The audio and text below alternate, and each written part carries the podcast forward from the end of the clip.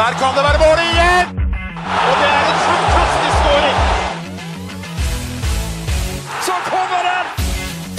Vi er våre beste menn. Vi har jo en del vi skal gå gjennom i dag. Skal vi bare, bare kjøre på med episoden vår? Ja, la oss gjøre det. Kjør! Heia Norge. Heia Norge! Heia Norge!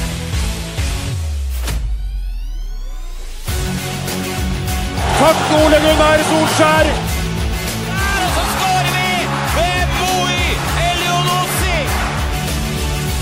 Rekdal skyter i mål!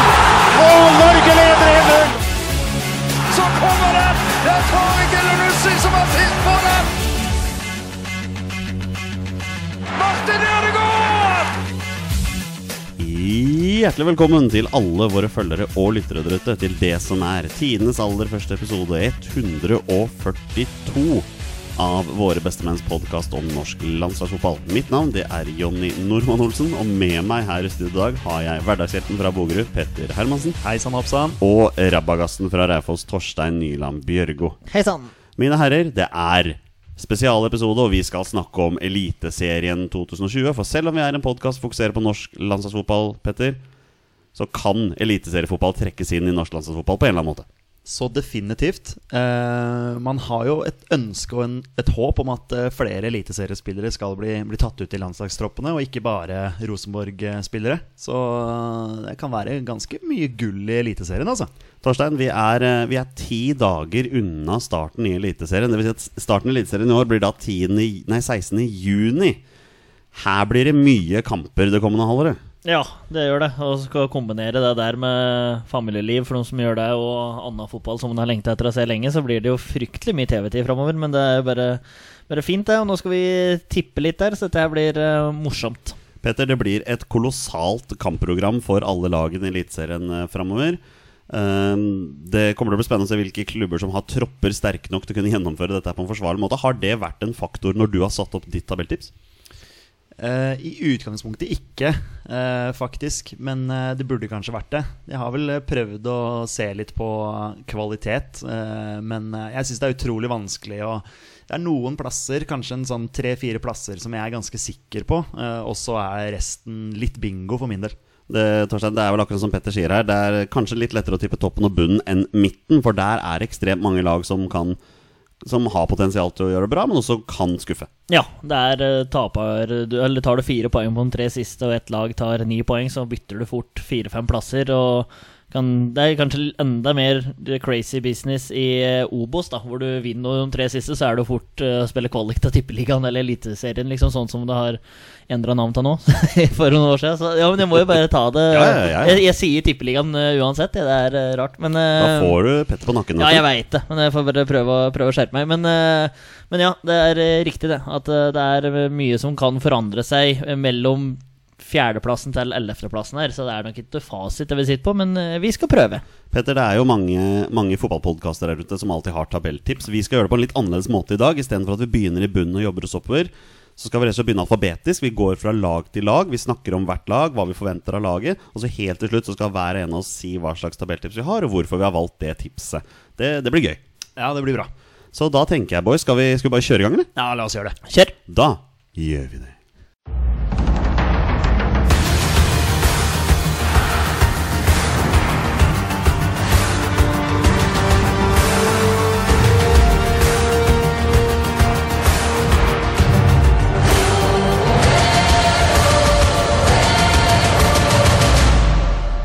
Vi begynner tabelltipset med Bodø-Glimt. Bodø-Glimt har tilbrakt flere sesonger i Obos-ligaen enn Eliteserien de siste ti årene.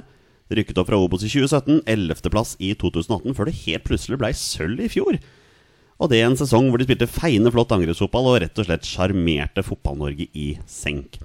Glimt har vært eh, særdeles aktive på overgangsfronten i vinter. Ut har viktige spillere som Vegard Moberg gått, eh, keeper Ricardo Friedrich, Erlend Dahl Reitan, og det snakkes om at Jens Petter Haugen nå er på vei ut dørene. Men viktigst av alt var nok stjerneskuddet Håkon Evjen. Eh, Kasper Junker er ny mann offensivt, hentet fra Danmark, men var på utlån til Stabæk i fjor. Eh, Sami Skytte kom også fra Danmark etter et utlån til nettopp Stabæk, mens Ola Solbakken og Alexander Fosnes kommer fra Ranheim. I tillegg er Marius Høybråten hentet fra Sandefjord for å erstatte Vegard Bergan, som har gått til start, og det snakkes også varmt om denne unggutten Sebastian Tonekti. Men 17-åringen fra Tromsdalen er nok ikke ventet å ta oss med storm denne sesongen, Petter.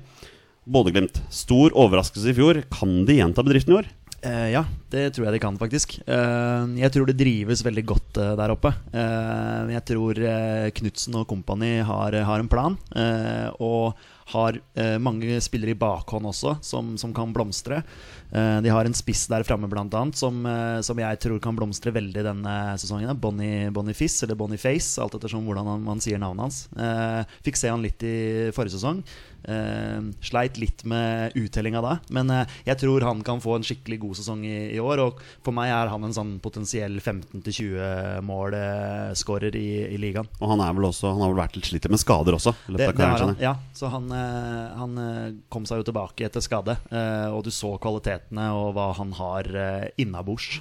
Torstein, um, hovedtrener Kjetil Knutsen sverger jo til 4-3-3, men eh, det er mange utskiftninger denne sesongen, spesielt offensivt. Eh, tror du det har noe å si for eh, måten Glimt spiller ball på? Jeg tror det er så prenta inn åssen de skal spille fotball oppi der, at uh, dum de henter, er designa for å spille den 4-3-3-en som uh, Kjetil Knutsen og gjengen vil oppi der.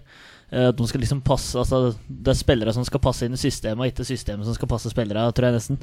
Eh, og så har jo han Bonifase, Boniface, Bonifis mange Kjært barn har mange navn. Men, kan vi kalle han eh, for Victor? men Jo- Joakim, men Jo- Joakim Jønsson har jo prata varmt om han i et halvt år nå, eh, fra serien avslutta i fjor. Har han sagt at han her kommer til å bli sesongens eh, store, store stjerne. eh, Sa han på slutten av sesongen i fjor. Og har liksom ikke noen annen grunn til å tro noe annet. Også, men jeg har skrevet opp han eh, Kas, eh, Junker. Karsten Junker. Kasper Junker. Kasper, jeg tenker bare på Karsten Kasper Junker, jeg vet du, gamle Bayern München. Ja.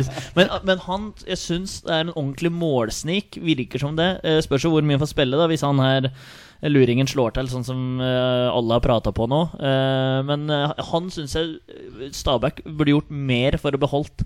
Fordi eh, han eh, tror jeg kunne skyte Stabæk i hvert fall til sikker plass. Eh, men nå er det jo Bodø-Glimt vi prater om. Eh, jeg tror uh, Bodø-Glimt kommer til å ha en knallsterk sesong nok en gang. Ja. Petter, er Victor Boniface din player to watch i Bodø-Glimt denne sesongen? Ja, det er han absolutt. Ja. absolutt. Hva med deg, Torstein? Hvis du skulle velge én spiller som er litt sånn Se opp for denne fyren. Ola Sveen, er det lov til å si, gamle Rødfoss? Du kjenner jo han bedre enn det vi gjør, så Ja, nei, men jeg har lyst til å si han Junker, altså. Uh, Sjøl om han er et, eh, nå et kjent navn for, uh, for eh, Eliteseriens trofaste seere. Så mm, Junker er, eh, er min joker. jeg er jo Ja. Hvis hvis jeg, Ja, det- det- det- humor jeg er med på Ja, den. Er ja, ja, takk, takk. hvis jeg skal velge en spiller som jeg har veldig sans for i Bodø-Glimt, Philip Sinkernagel. Ja, var viktig for dem eh, meget, meget herlig fyr, egentlig. Altså. Og vi må nevne Patrick Berg der òg. Altså, han Ja. ja og det var en Salt, Saltnes Salt- altså, De Ja. har jo mye bra Ja. spillere fortsatt, selv om de Altså, har mista en del. Åsmund Bjørkan, holdt jeg på å si. Fredrik. Fredrik. Vi skal nå straks gå til hvor vi har tippet Bodø-Glimt på tabellen, men jeg har gjort en annen ting enn før nå. Jeg har valgt én spiller på hvert lag, som jeg nå skal be dere diskutere om kommer til å score over eller under ti mål denne sesongen. Jeg sier Kasper Junker. Over eller under ti mål denne sesongen. Ja, nå har jo jeg 15-20 på Boniface. Da, Boniface. Eh, så da blir det mye mål på Bodø-Glimt. Hvis de har to som, eh, som, eh, som leverer eh, mål. Hva, hva sier du, Torsegutt? Nei, Du jeg, jeg syns jo det er vanskelig, for hvis vi skal Begge to er midtspisser, sånn som jeg forstår det. Eh, Jeg vet ikke om så mange av dem kan spille på siden, men der er det Ola Solbakken og Sinkernagel og gutta. Eh, Jeg syns det er vanskelig, da. Hvis Boniface er liksom klar hele sesongen, så skårer ikke Junker ti mål.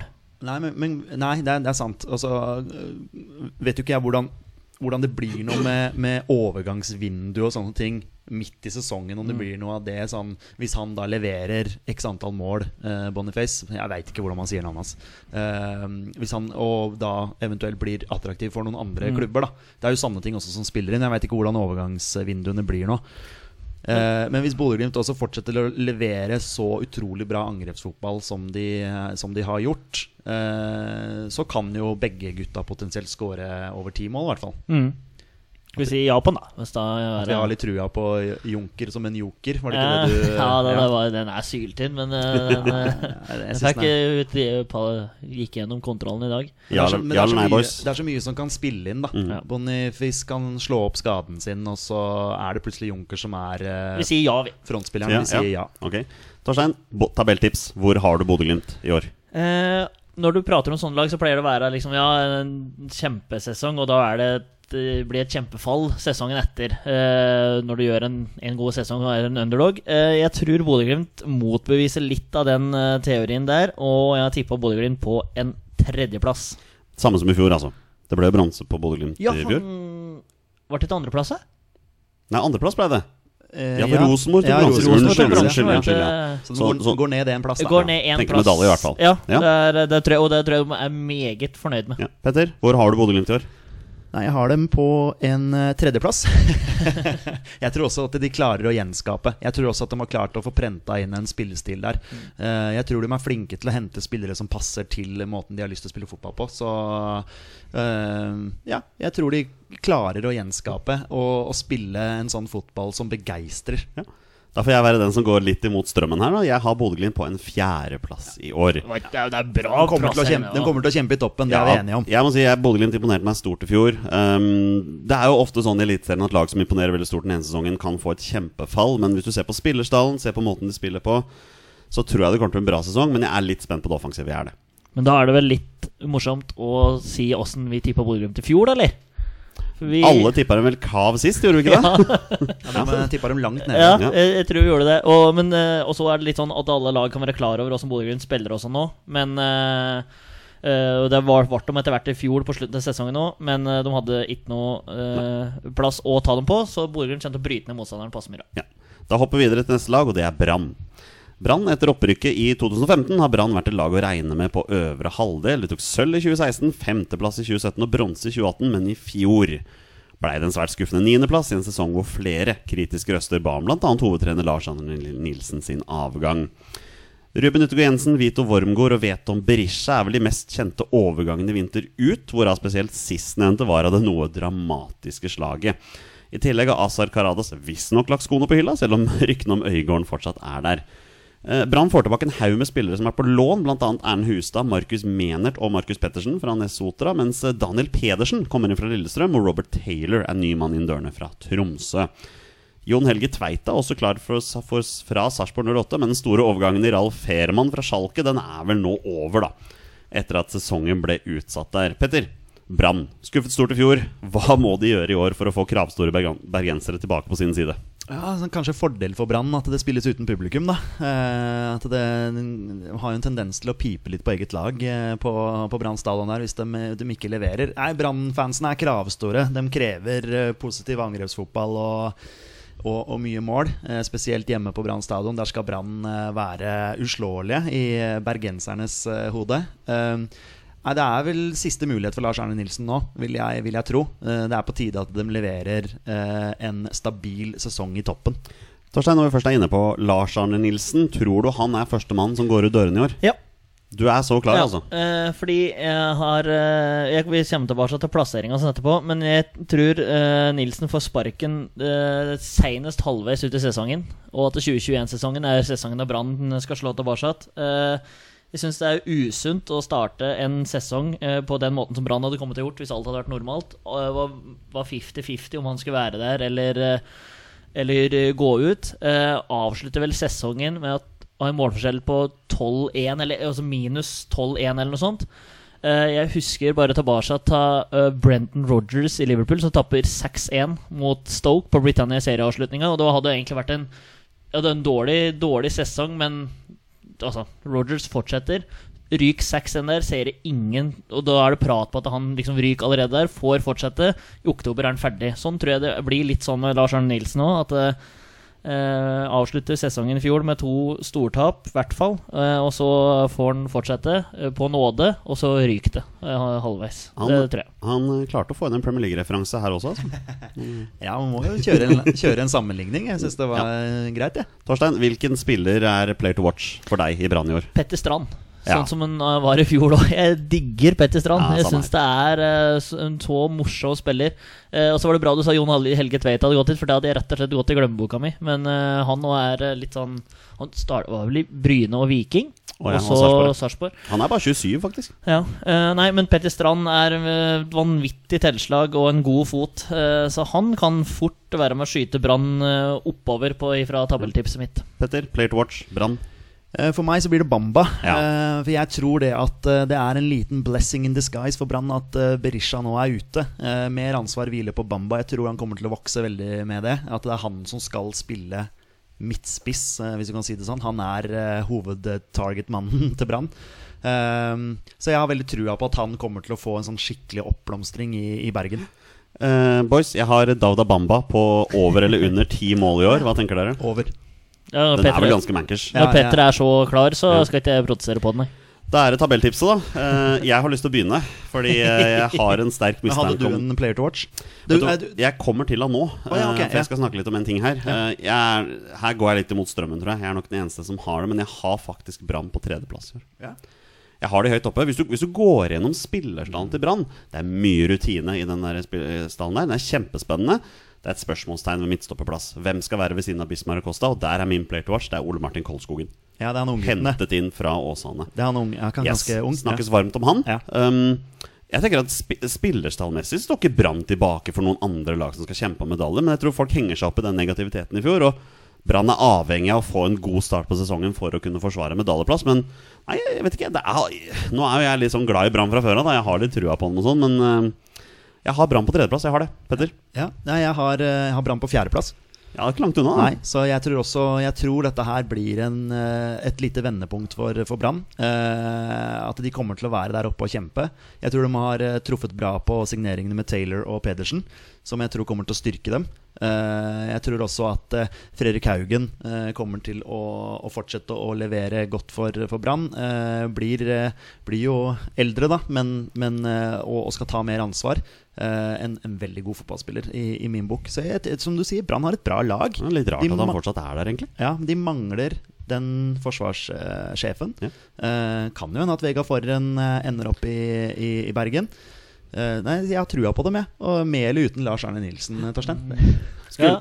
Sa ikke agenten til Vegard Forhen at han hadde tilbud om en frist på torsdag fra en utenlandsk klubb? Vi har ikke hørt noen om Han det. skulle så- helst ja, ha signert for en eller annen klubb nå. han skulle egentlig det. Ja. Torstein, Brann. Eh, som, som du sa, Jonny, jeg hengte meg opp i negativiteten fra fjorårssesongen. Ok. Eh, Brann blir nummer ti. Oh, wow, her er det forskjeller. Ja, altså, Og i fjor ble de nummer ni. Nei, Ja. Nummer ni, ja. ja. så, Men det er jo, du må jo bare gå litt høyt ut for å Eller, eller lavt ut, da. Sånn tabellmessig. Ja, ja, ja. ja godt poeng. Ja, nei, men hva, hva, hva er det som gjør at du er så mye mer kritisk enn det vi er? Eh, litt med begrunnelsen usikkerheten med Lars Arne Nilsen. Eh, at det er tilsynelatende sett veldig langt utenfra, eh, så er det usik altså 50-50 hvem som vil ha med, hvem som ikke vil ha med. Eh, hvis styret vil ha han, og spillere går imot, så er det fryktelig usunt. Hvor lenge er det det kan gå? Taper du fem av de åtte første kampene, så er du allerede hekta av. I hvert fall fram til halvveis ut sesongen. Eh, ikke noe støtte fra publikum. Det kan jo òg være en hemme, svekkelse altså hemme dem òg, når, liksom, når de er så knallharde. Men jeg, jeg har lite trua på Brann i år. Jeg hadde kjempetrua på dem i fjor.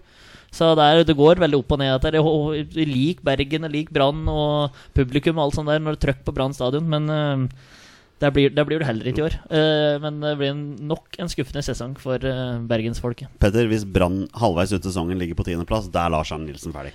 Da ryker han. Da ryker han. Det, det er det ikke noe tvil om. Han må, han må få en positiv start. Han må gå de tre-fire-fem første kampene uten tap, omtrent. Altså. Det er Så knallhardt er det. Da er neste lag det er Haugesund. Haugesund går nå inn i sin ellevte strake sesong i Eliteserien, og det er et veldig enten-eller-lag. Eh, syvendeplass og tapende cupfinalist i fjor, men nei, tabellplasseringene før det er fjerdeplass, tiendeplass, fjerdeplass, tolvteplass, ellevteplass og tredjeplass og bronsemedalje tilbake i 2013. Derfor er det med enten-eller.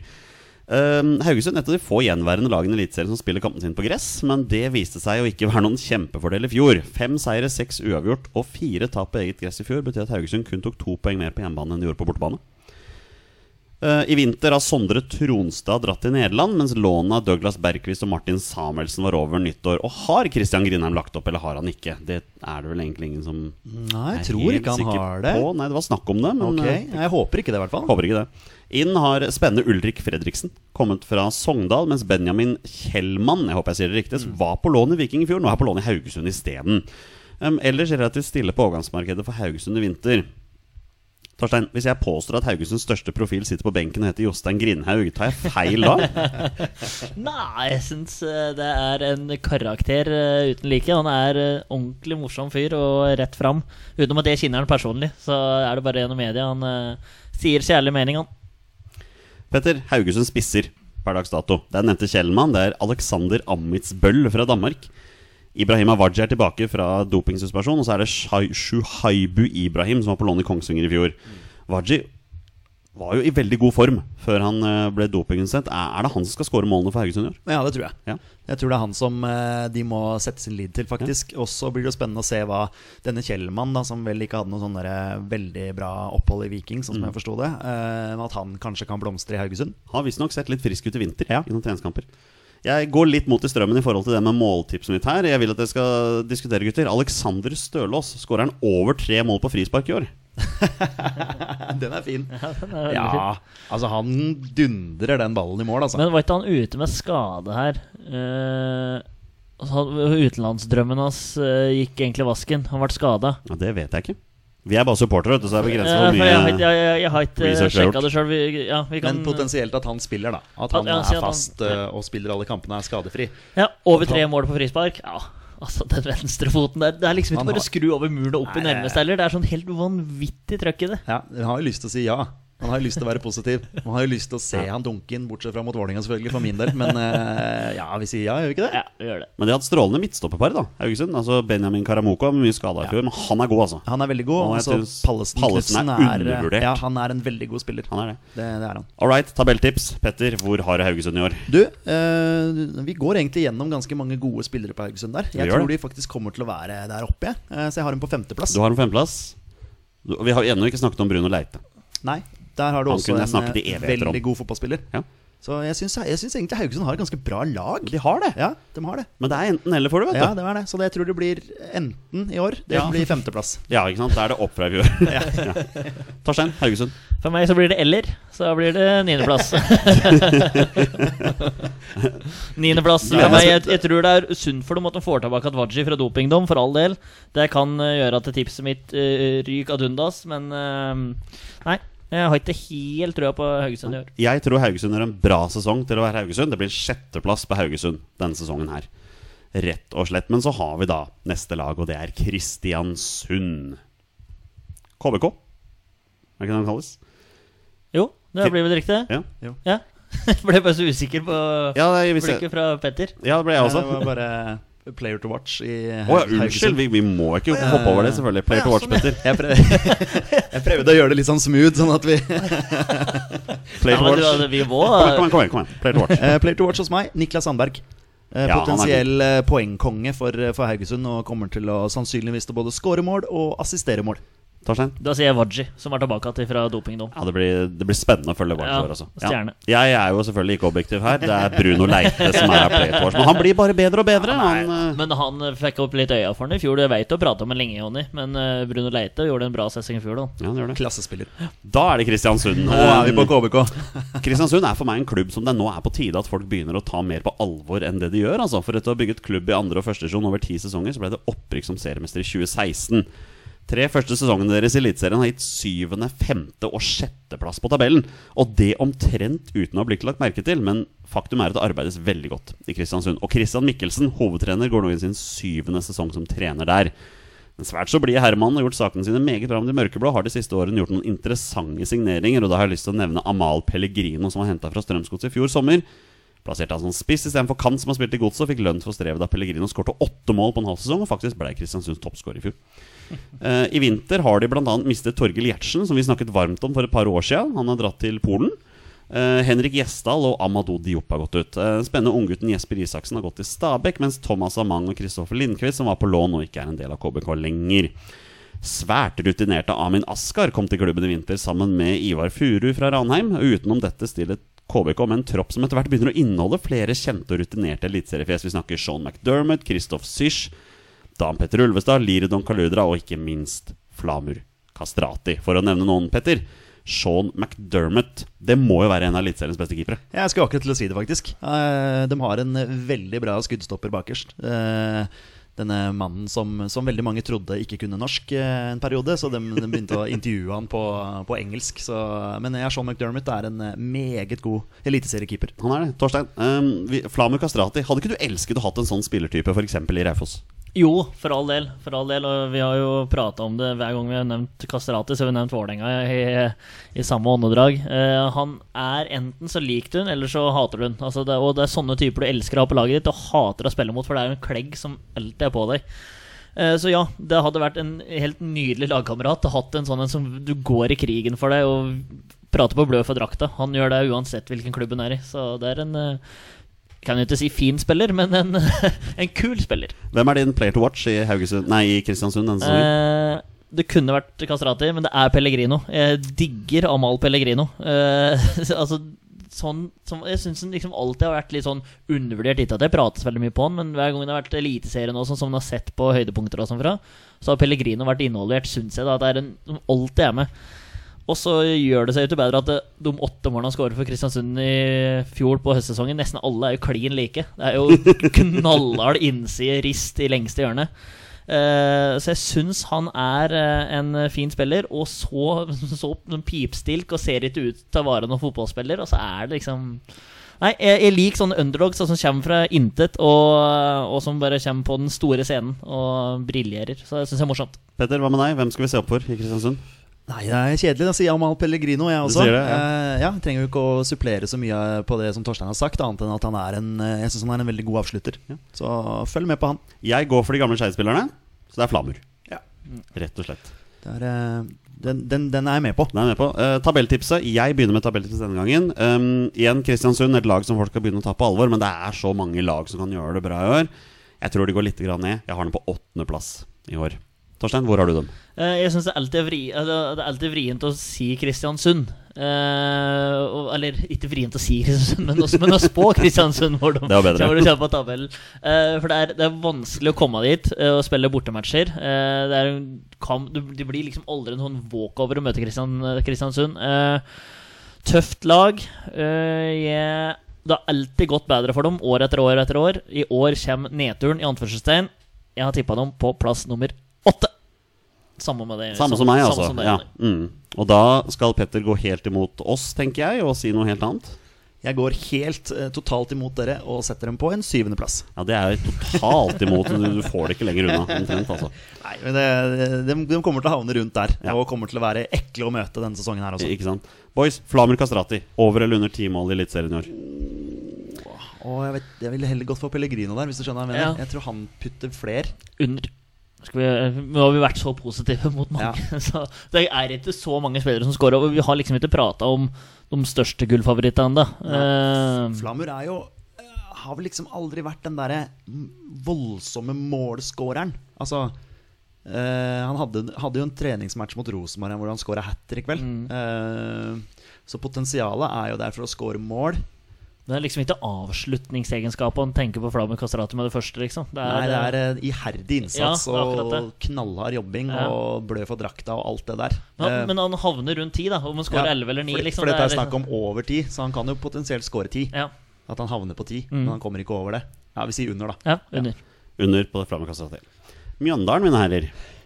Bruntrøyene sjarmerte Fotball-Norge etter å ha smadret Brann i kvaliken til Tippeligaen 2015, og ikke minst med TV-serien Alle gutta. Og Alle guttene het, ikke sant? Det stemmer, det. Ja. Eh, Det blei nedrykk da i 2015, og Mjøndalen brukte et par år på å rykke opp igjen, men i fjor så klarte de faktisk å berge plassen i siste serierunde med en seier mot Vålerenga. Hvem var det som sa at det kom til å skje da vi hadde Christian Borch som gjest? det var du, det. Det var meg. Ja. Kristian sa vel det motsatte, men eh, Ja, det han måtte ikke. jo det. Ja. Det hadde vært litt illojalt å sagt. Men seieren gjorde jo da at Mjøndalen spiller eliteseriefotball i år også. Vegard Hansen, mine herrer, det er en levende legende på sidelinja. Har trent laget i snart 78 år. Har kjøpt seg leilighet som ligger i selve stadionanlegget, og han omtrent lever og puster for Mjøndalen. Og det er en spiller som tidligere har spilt for Strømsgodset der også. Når vi først er inne på levende legender, så kommer vi jo ikke unna Olivier Ocean, eller Ocean, hvordan man sier det. Mannen er nå ferdig i Mjøndalen. Ja, er etter, altså. etter to sesonger. Ja, for Han dro jo ned til Uredd da, nedover i divisjonene, men så ble han henta tilbake igjen. Men nå er han tilbake i Uredd, da. Julian Faye Lund var på utlån fra Rosenborg. Han er også borte, og det samme gjelder Jibril Boyang, som nå spiller i Egypt. Vegard Hansen har hentet inn spillere som jeg syns er ganske spennende. Det er klart Kristoffer Nesse Steffensen skal endelig få prøve seg i Eliteserien til flere gode år på Vestlandet i Obos-ligaen, bl.a. i Nessotra, Fyllingsdalen og sånne ting. Sosha Makani skal prøve seg på nytt opphold i buret til bruntrøyene, mens Lars Olden Larsen var en av de beste spillerne i Obos-ligaen i fjor for Koffa. Mens Markus Nakkim da skal prøve seg på fast førstelagsfotball i Eliteserien. Petter, har Vegard Hansen og Mjøndalen det skal til for bergplassen i år? Eh, Jeg tror ikke det. Nei, du tror Dessverre. ikke. Eh, Jeg tror det blir for tøft for dem. Eh, De klarte seg så vidt i fjor. Eh, Jeg ser ikke helt det at de plutselig i år skal ha kvalitet nok til å, til å berge plassen. Torstein, blir du varm i trøya av eh, spillernavn som Tony Brochmann, Stian Aasmundsen, Joakim Olsen Solberg og Fredrik Brustad? Nei, jeg kan vel ikke si det. Jeg kan vel ikke si at jeg gleder meg til å sette meg ned og se på disse der eh, spille festfotball. Men eh, jeg tror òg at Mjøndalen At nå er jo den vanskelige andre sesongen. Det er jo egentlig tredje sesongen deres eliteserie, men vanskelig andre sesongen. Den er vrien eh, og en myte, men jeg tror, eh, bare sånn for å tease litt til tabelltipset hjem, at det er de andre laget er såpass dårlig at eh, Mjøndalen kommer til å greie seg pga. det, og ikke pga. sine egne kvaliteter. For det er eh, knokkel å dra ned til eh, Nedre Eiker, er det riktig? Så Du vet ikke. Kon Konsto Arena? Konst, og Arena. Ja, men det er vrient. I gamle dager ja, var i det gamle, vel, eh, gamle dager. Ja, nei, men det er, det er vrient og det er, det er eh, håpløst å møte om. Det er knallsterkt. Så det er punch i den gjengen der. Eh, Men som sagt, jeg tror de andre lagene er såpass dårlige at Mjøndalen greier seg pga. det. Petter, hvem skal vi se opp for? Um, ja, Det hadde vært lett for meg å si Markus Nakkim, da. Uh, siden jeg, det er en spiller jeg er veldig veldig glad i, og som jeg mener at Vålerenga har gjort en dårlig jobb med. Uh, og jeg håper inderlig at han blomstrer for Mjøndalen. Men jeg vil ha lyst til å trekke fram Lars Olden Larsen, som jeg syns er en meget spennende spiller, og som jeg tror kan, uh, kan levere godt for Mjøndalen. Kan vel si bare med en gang at jeg, jeg har Lars Olden Larsen som, som the player to watch i år. Altså, Torstein, hvem har du da? Ekko. Er samme som det jeg ikke har sagt. Jeg kunne sagt Tony Brochmann. Eh, Men eh, det er Lars Olden Larsen. Jeg er spent på om han tar nivå ett et hakk lenger opp. Men eh, trenger ikke å tilføye så veldig mye mer. Det er spennende. Ja. Fredrik Brustad, boys. Over eller under ti mål i Eliteserien? Under. Under. Ja, det er, dere er så enkle der, altså. Ja. Ja. Hvor mange skårte han Ett, forrige sesong? Han skårte mot Vålerenga? Altså, jeg veit ikke. Men han skårte under fem. Var det Sjekk- det eneste målet han skårte? Får du sjekka det, Jonny? Mange mål han, han, skårer? for? han har jo dette her at han kan jo løpe fort. Ja. Han er jo heller ikke noen sånn notorisk målscorer. Så Nei. du tenker at da ville jeg heller hatt Ocean, da. Ocean kunne jo Eller Ocean kunne jo potensielt skåret over ti. Ja. Potensielt. Han Ja. er for meg en, en mer eh, typisk målscorer. Men når du liksom ikke har eh, Jeg synes ikke Ja, nei, jeg skal ikke si for mye, for plutselig å motvise noe motvises det, men eh, Jo, jo, men det kan det jo gjøre uansett. Ja, men jeg synes ikke, Han har ikke slått meg til som en målscorer i det hele tatt. Han Fredrik Brus han gjorde det for så vidt greit i Molde før han dro ut. Men eh, og spilte nå- på et bedre lag, da. Ja, det er akkurat det. Får er, flere eh, muligheter. Det er på en måte bare å Det er annerledes å spille for Molde enn Mjøndalen. Det er jo sånn det er. Ja, så Petter, du har tisa det nå, men eh, hvor har du Mjøndalen på tabellen i år? Jeg har den på nest siste plass. Du har den på nest på siste plass der. femtendeplass. plass. Ja, Mm. akkurat, ja. Du har ikke trua på dem i år? Nei, dessverre. Det er en klubb jeg liker veldig godt. Jeg syns de er en, en, kul, en kul klubb da, å ha i Eliteserien. Men jeg tror dessverre det blir for vanskelig for dem. Det er annerledeslaget. Det er annerledeslaget. Torstein, hva med deg? Eh, Jeg har Mjøndalen på en 13.-plass. Oh. og det jeg glemte å si, er for noen som ikke har sett det, så er det å gå inn på VG og se på Tony Brochmann når han skal forlate Mjøndalen. Det er jo helt fantastisk. Det er helt nydelig. Ja, ja. Helt fantastisk. Så um, det er bare en varm anbefaling. Mjøndalen blir nummer 13 i år i min bok. Hva med deg, Jonny? Nei, eh, Petter har den på 15.-plass, du har den på 13.-plass, jeg har den på 14.-plass. Ja, går det i kvalikene? Nei, da ryker de. Oh, ja, okay. For elite- eliteserielagene virker jo å ryke som bare rakkeren i kvaliken her, så da det er over og ut. Men, men de, har alt å tape, vet du, Ja, de i den eh, kvaliken. men de klarer kvalik, det gjør de. Ja. Et lag som ikke kommer til å ende på kvalik i år, det er neste lag, det er Molde. De kommer ikke til å ende på kvalik. Eh, Molde vant seriegull i suveren stil i fjor. Det ble hele 14 poeng foran Bodø-Glimt og 16 poeng foran erkerival Rosenborg. Ikke bare var Molde beste hjemmelag i ligaen, de var også beste poengplukker på bortebane. Og alt dette i en sesong hvor de ikke bare mistet hovedtrener Ole Gunnar Solskjær før sesongen, og erstattet han med Erling Moe, men de mistet også toppskåreren sin fra 2018. Hvem var det? Det var Erling Braut Haaland. Ja, ikke sant.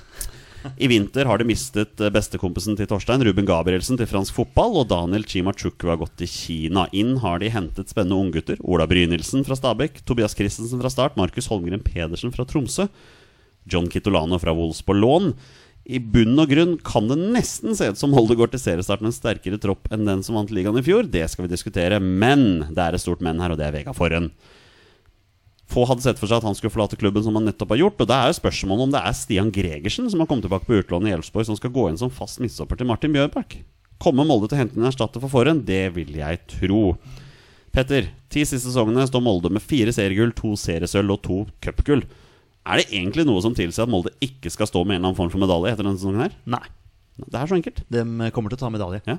Men hva tenker du om det forsvarshullet som Vegard Forhen nå etterlater seg? Eh, sånn som jeg forsto det, så skulle de ikke hente noe erstatter for han. Eh, det er mulig jeg husker feil, men jeg mener jeg har hørt det en eller annen plass. Eh, og at det ikke var nødvendig, at de hadde nok cover. Eh, så Bjørnbakk er jo selvfølgelig soleklart mm. førstevalg der, og så kan det jo fort bli Gregersen, da. Ja. Torstein, eh, Europacup er jo nå Molde har ambisjoner om, og der har det vært litt større utfordringer. Ja, de kom til 16-delsfinalen i Europaligaen for fire år siden, men har flere ganger røket i playoff, deriblant de to siste sesongene. Blir dette en ny sesong med skuffelse i Europa for moldenserne? Ja, det kan det fort bli. Skal, er det Europaliga 2? Er det den det skal være med? Conference Europa Ja, League? det begynner vel ikke i år, gjør det det? Er det ikke neste- året Nei, etter? det tror jeg ikke begynner i år. Er det neste år, kanskje? Ja, det kanskje var, ja. Nei, men eh, Og så har han vel mista Babakar Sarro, da, som, som, hvis du ikke nevnte han. Eh, men ingen, det er jo nesten en sesong siden, er det ikke?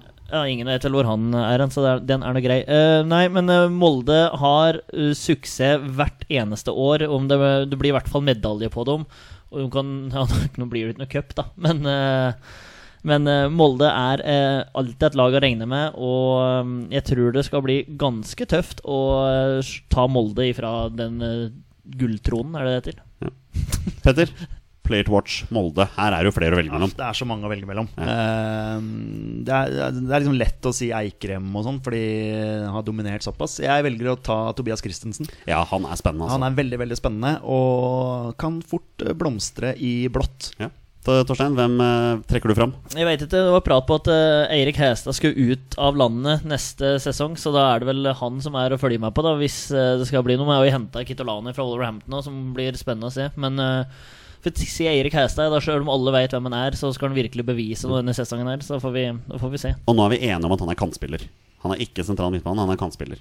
Nå har jeg fått høre det flere steder at han er kantspiller, og han skal ikke spille sentralt. Nei, den, den kan vel sikkert brukes overalt på midten, han. Nei. Um, når jeg skulle ta min player to watch, så, så hadde jeg litt lyst til å si Eirik Ulland Andersen. Men jeg har landet på Henry Wingo. Amerikaneren som de henta fra Seattle Sounders. Ja. Nå, nå følger jo jeg MLS Nå forholdsvis kommer godt, MLS, og jeg har, eh, jeg har sansen for Henry. Henry Wingo er en spiller jeg tror kommer til å overraske mange. Og Sånn, å, hvem er denne fyren her? Jeg tror han kan få muligheten til å gjøre det bra der. Posisjon. Han er kantspiller. Kantspiller. Kantspiller. Boys, Ohi. Over eller under ti mål? Over. Under. Ja, for det er jo leker James inne i bildet her òg, vet du. Ja, jeg tror over. Jeg tror over, ja. Så er det tabelltipset, da. Jeg går rett på. Det blir ikke seriegull på Molde i år. Det blir andreplass. Det sier jeg, og det begrunner jeg rett og slett med at det er, det er store utfordringer bakover der. Eh, Jeg, jeg har ikke like trua på Stian Gregersen som det kanskje Molde virker å ha. da Det er greit om jeg går på midtbane offensivt, men da må du eventuelt bare score flere på mål enn motstanderen. Så jeg har den på andreplass. Petter, du nikker med meg her. Jeg eh, er veldig enig med deg. Jeg har dem også på andreplass. Ja, og Petter og Torstein skal da si Nei, jeg har dem på andreplass, jeg òg, for jeg tror det blir en suveren serievinner i år.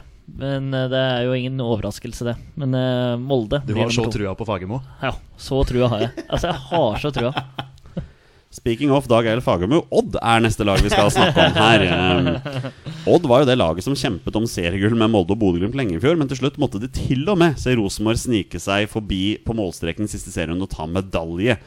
Og Dermed røk de medaljene som alle i gåsehudene så for seg at Odd skulle klare. Eh, på hjemmebane i fjor Odd var uslåelig. Tolv seire, tre øvert og ingen tap. 31-14 i målforskjell.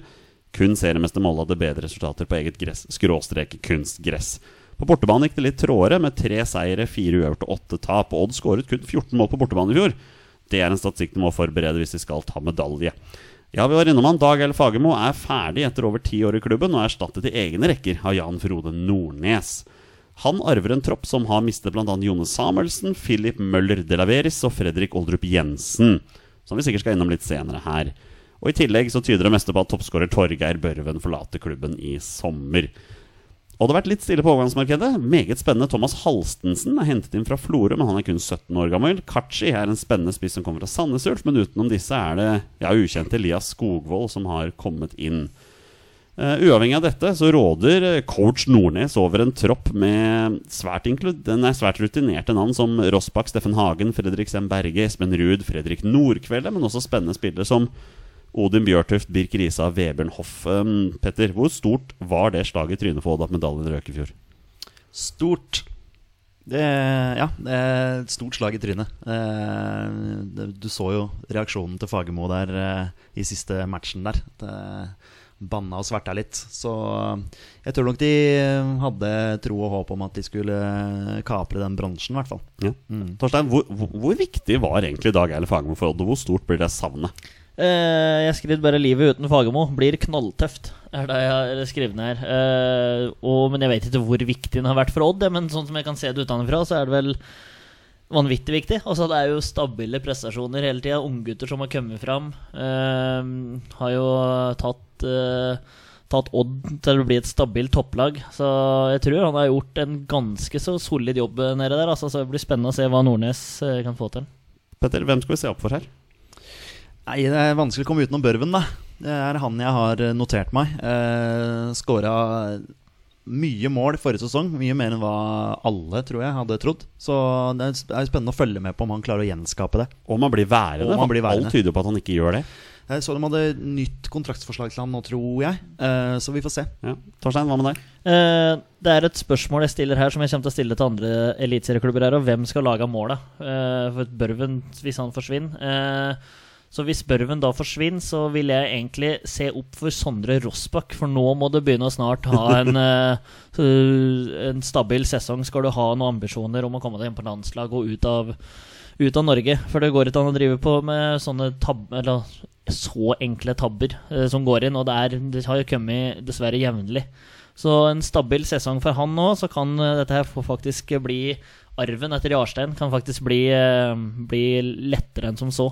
For vi ser jo ingen andre muligheter enn kanskje Claesson, på en måte. Altså det er et håp. Men uh, hvis Rossbakk kan få et par gode år nå, så skal du ikke se bort fra at Rossbakk eh, er, er å se på Ullevål etter hvert. Det er veldig morsomt at du nevner det her med hvem som skal skåre målene. For når jeg, skulle spille, finne en spiller her jeg skulle stille spørsmål til dere om hvem som skårer over eller under time mål, så fant jeg ingen. Det er rett og slett vanskelig å si, så um, Nei, uh, Tobias Lauritzen, gutter. over eller under ti mål i Eliteserien. Nei, det blir vel fort Det under, det, blir da. fort under, Men det hadde vært fryktelig moro hvis det hadde kommet sånn underdog og bare banka inn i 15. Men eh, ja, spørsmål Han Kachi, har han spilt i Sandefjord? Ja, det, det vet jeg ikke. Jeg lurer på om det er han som henger etter Thomas Lene Odelsen på Aspmyra. Når eh, Nei, ikke Aspmyra, si, men uh, Alfheim. Når Thomas Lene Olsen Når han som drar den i trøya, og så sklir han bare på ræva. Nei, det er, det er Pau Morer, det. Morer. Pau Mo- Morer! Ja, Takk, ja, takk, tror- ja. takk, takk, takk, takk. For han, han morer seg, var vel liksom Å ja, var det det som var ordspillet der, tror Oi, jeg. hei Hvis ikke, ja, hvis ikke jeg husker helt feil. Ja, nei, men det er riktig når du sier det. Pau morer Ja. seg. Ja. Tabelltipset, mine herrer. Hadde du en player to watch? Jeg har jo Tobias Lauritzen, da. Ja, det er Lauritzen, ja. Eh, Men han har blitt 22 allerede nå, altså. Ja. Så må, Så det er han som eventuelt må score måla hvis Børven forsvinner. Ja, nå har de henta en Kachi, så det kan jo hende at han brukes. Men det har et spissproblem der, altså. Hvis, hvis, Børven, eh, hvis Børven forsvinner. Torstein? Odd? Sjuendeplass. Jeg har dem også på sjuendeplass. Jeg bare Mm. sier det med en gang. Det, det blir en skuffende sesong på, eh, på Skagerrak Arena i år, altså. Eh, Petter går imot oss og sier Niendeplass. Han går imot oss og sier at det går dårligere med Odd enn eh, det. Ja, Helt men ned på niende, ja. Det er mye eh, spørsmål der. Altså vanskelig å, å plassere dem. Så jeg tror, de jeg tror de får en svak sesong. ja det, vi er nok ikke de eneste som tror at det kommer til å bli en eh, svak sesong der, altså. Mens, Pet, mens Torstein reiser opp for å hente vann, så går jeg på neste lag, og det er Rosenborg. Rosenborg har tatt medalje, Petter, de siste elleve sesongene på Norges øverste nivå. Etter fire strake seriegull ble det kun bronse i fjor. Mens Rosenborg snuste faktisk på nedrykk i starten av sesongen, leverte elendig fotball og brukte tid før de fikk snudd skuta. Hovedtrener Eirik Horneland fikk med andre ord en svært tung start på sin karriere som RBK-trener etter sagaen om trenerjobben i fjor vinter. Han er fortsatt ved roret da, i Norges største og mest ambisjonsrike klubb. Mark Jensen er nå borte. Etter åtte sesonger som ikke bare RBKs, men kanskje Tippeligaen og Eliteseriens beste midtbanespiller, er det stort hull for RBK å erstatte. Jan Erik Dilanlé har dratt tilbake til Viking etter en skadefull periode og tok med seg Arild Østbø i samme slengen. Toppskårer Alexander Sørlund har dratt til svenske Hekken, mens Bjørn Mars Johnsen, som var på lån, ikke er på Lerkendal lenger. Inn, på, inn portene har Kristoffer Sakariassen gått, og han har potensial til å gjøre mye bra for Rosenborg. Dino Islamovic er hentet inn for å skåre målene, mens ukjente Carlos Holse fra FC København er en 20 år gammel ving få vet noe om, egentlig. Ok, Petter. Rosenborgs toppskårer de to siste sesongene Han heter Alexander Sørlund begge ganger, men han skåret kun åtte mål i begge sesongene. Hvem er denne Dino Islamovic? Nei, det er nye toppskåreren til Rosenborg. Det er åpenbart det. Ja, Ja. jeg eh, har litt trua på han, jeg. Ja. At de har, eh, at de har henta en potensiell eh, stormålskårer der. Det får nesten håpe det for Rosenborg sin skyld, da. En spiller som, eh, som eh, Joakim Jonsson ikke var veldig imponert over i Rosenborg-tida si, men han er vel aldri imponert over noen, egentlig. Torstein, du virker å ha veldig trua på Rosenborg i år. 100 Jeg har ståltrua på Rosenborg. Eh, Jeg har lyst til å bare komme med en liten påstand. Eh, Rosenborg taper ikke én eneste kamp i eliteseriesesongen eh, 2020. Nå er det Den ryker du på. Ja, den ryker Ja, du på. det, det, det, jeg tror ikke de tar en ny sånn. De har gjort det tidligere. Hvor de har gått gjennom en hel Ja, sesong vært eh, uten. fryktelig Men, men, nå er det jo kamper hver tredje dag, da, så det blir jo det blir enda vanskeligere for dem. Men jeg har ståltrua på dem. Jeg prata varmt om Kristoffer Sakariassen. Emil Konradsen Seide skal, er kjempetalent. Erlend han er tilbake og danker fort ut Vegard Eggen hadde i Hedenstad. Og så er det Dino Islamovic som skal bøtte inn målet deres, som jeg har trua på. Og så er det en ganske revansjesugen Pål André Helland som òg er med her. Eh, så dette laget her eh, kommer til å ja, høvle over eh, det meste av motstand i år. Det, jeg har ståltrua på dem. Jeg skjønner ikke helt offer. men jeg ser jo når jeg nevner navnet her, så er det ikke Du skal argumentere godt imot, da. Men hvis du skal nevne én player to watch her Ja, Revansjen Pål André eh, Emil Konradsen Seide Sakariassen ah, Fader, det er vanskelig. Eh, tar eh. Emil Konradsen Seide. All right, takk. Petter, hva med deg? Zakariassen. Jeg har også Kristoffer Sakariassen. Han kommer til å være en av Eliteseriens beste midtbanespillere. Ja. Ja. Og så får de Siljan etter hvert. Så får vi Siljan han. Eh, per Siljan Skjelbred inn der òg. Rosenborg blir farlig denne sesongen her. Dino Slamovic, gutter. Over eller under ti mål? Over. Ja, han får så mye hjelp. Han kommer til å bli fora, egentlig. Ja, jeg tror det. Ja. Ja, så er det tabelltips, da. Jeg skal ikke si noe annet, jeg. Jeg har Rosenborg på første år. Førsteplass. Jeg, jeg tror også ja. Suveren. Petter nikker med videre. Eh, neste lag eh, har jeg ikke helt trua på kommer til å konkurrere med Rosenborg når jeg sier Sandefjord. Eh, heislaget Sandefjord er nå tilbake på øverste nivå etter kun én sesong i Obos-ligaen denne gangen. Faktum er at Sandefjord har rykket opp og ned hele ni ganger siden 2005.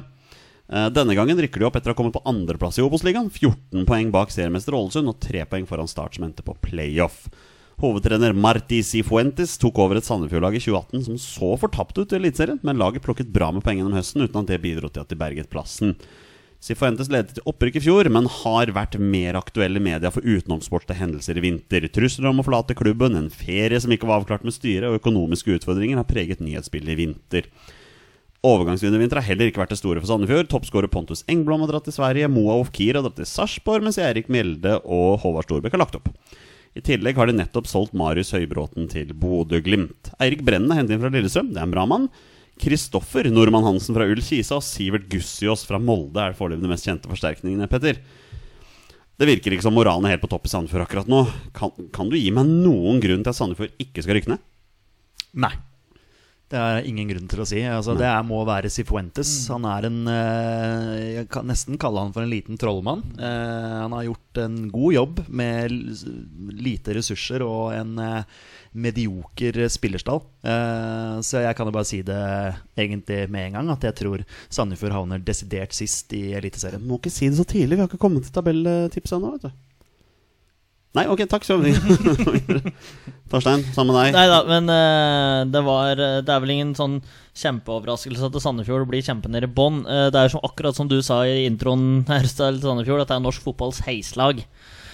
Ehm, jeg har egentlig ingenting ingen, Når du spurte Petter, så er det sånn ja, Det må være Sifuentes som er den eneste grunnen til at noen skal holde plassen. Jeg har uh, ingenting som skal telle seg at noen skal greie seg. Ja.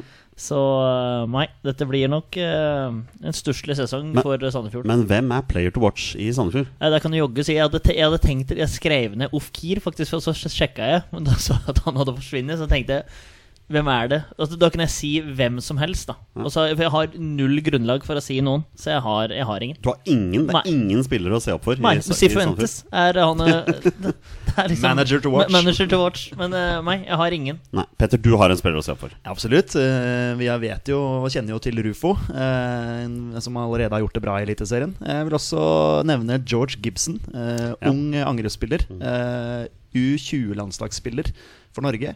Eh, Spennende spiller. Jeg tror Eirik Brennen fort kan spille ganske mange kamper for Sandefjord. Han trenger mye spilletid nå. Så jeg, Ja. jeg har dratt fram han, jeg. Ja. Ok, boys. Jeg har valgt Rufo. Skårer han over eller under ti mål i Eliteserien i år? For et lag Jeg kan, som kan si da bare at han skårte under ti mål i Obos-ligaen i fjor. Ja.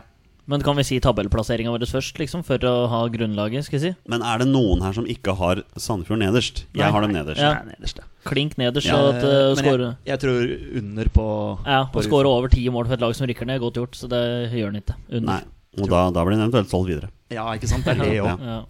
Ja. Du snakket om OF Kiel, så da går vi til Sarpsborg. Eh, Etter bronsemedaljen i 2017 satset, satset sarpingene alt på gruppespill i Europaliga 2018, og det klarte de. Resten av høsten fokuserte på Europa, nærmest ignorerte serien, noe som endte i en da skuffende åttendeplass. I fjor gikk det enda verre, men de berget plassen med en tolvteplass med 30 poeng. Samme antall poeng som tre andre lag, men berget seg på bedre målforskjell. I vinter har de mistet hovedtrener Geir Bakke til Lillestrøm i Obos-ligaen, men svenske Mikael Stare er ny mann ved roret. Eh, Han har erfaring som trener fra klubber som AIK, Panionios, IFK Göteborg, Dalian Yifang, Hekken og ikke minst San Jose Earthquakes. Han arver et mannskap med flere rutinerte folk. Vi har Moss, vi har Ole Jørgen Halvorsen, Nicolay Næss Jørgen Horn. Og vi har spennende unge gutter som Sully Boyang, Sebastian Jarl og Gaute Vetti. I vinter har de hentet Moa Ofkir nettopp fra Sandefjord, sammen med danske David Mitov Nilsen i mål og Alexander Jacobsen fra Norrköping. Kai Lafferty var en profil i Eliteserien i fjor, han er nå borte. Og Det samme gjelder Jon Helge Tveita, Bart Stralmann, Niklas Gunnarsson er borte, Amin Askar og Matti Lund Nilsen, Petter.